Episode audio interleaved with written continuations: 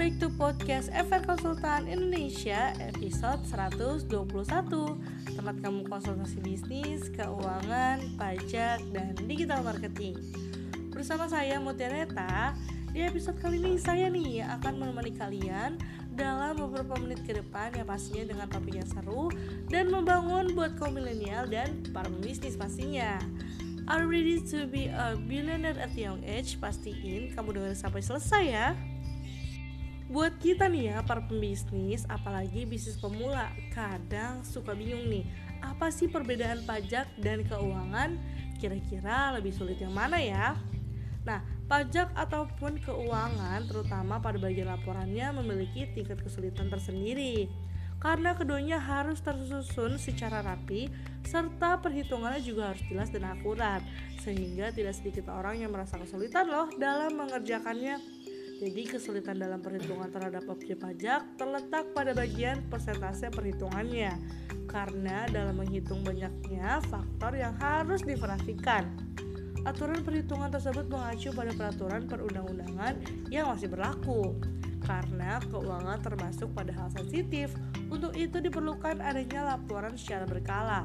Laporan ini disusun berdasarkan pemasukan anggaran serta penggunaan dari anggaran tersebut Laporan bisa terdiri dari neraca, laporan laba rugi, ataupun laporan terkait modal dan lainnya. Secara singkatnya, perbedaan paling ketara adalah di antara keduanya terletak pada objek yang dihitung.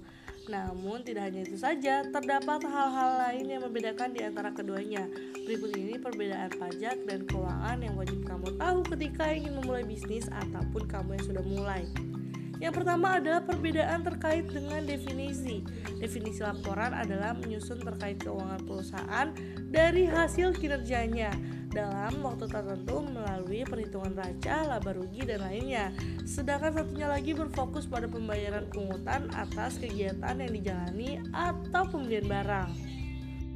Yang kedua adalah tujuan laporan. Laporan keuangan biasanya diperuntukkan bagi perusahaan maupun instansi secara keseluruhan, sedangkan laporan pajak diperuntukkan bagi perorangan maupun perusahaan. Sudah jelas keduanya memiliki sasaran yang berbeda, begitu pula dengan cara perhitungannya. Lalu yang ketiga, perbedaan dalam menggunakan jasa. Ruang lingkup menyusul laporan keuangan oleh staf perusahaan tertentu menggunakan prinsip akuntansi yang masih berlaku. Penyusunan lainnya juga menggunakan prinsip serupa, namun dalam melakukan perhitungannya menggunakan jasa orang lain yaitu seorang penasihat. Yang keempat, teknik saat melakukan kalkulasi perhitungan. Laporan terkait budgeting menggunakan dua teknik seperti cash basis ataupun accrual basis. Keduanya diperuntukkan bagi perhitungan cash inflow dan cash outflow.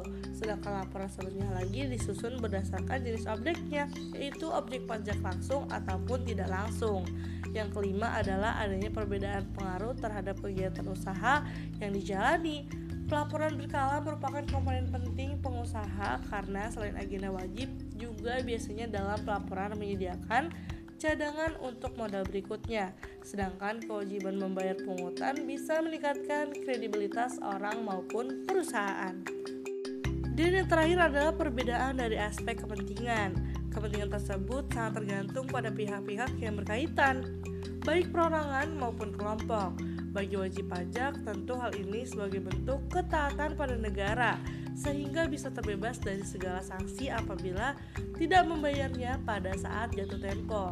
Nah, ini ada enam jenis perhitungan pajak seperti pajak pendapatan, pungutan untuk perusahaan, kalkulasi pungutan transaksi jual beli, kalkulasi pembayaran tarif kepemilikan tanah dan bangunan, dan menghitung pungutan barang mewah.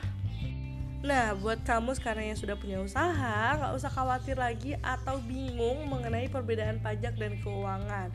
Walaupun keduanya memang memiliki kesulitan masing-masing, tapi bisa diatasi bersama jika kalian bisa memilih jasa yang profesional seperti FR Konsultan Indonesia mengenai pajak maupun keuangan.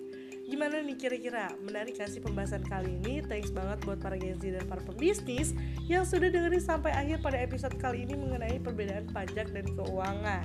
Untuk mendapatkan lebih banyak tips dan trik tentang bisnis, keuangan, pajak, dan digital marketing, kalian pantau terus ya podcast FR Konsultan Indonesia dan tunggu updateannya di Instagram at FR Konsultan Indonesia.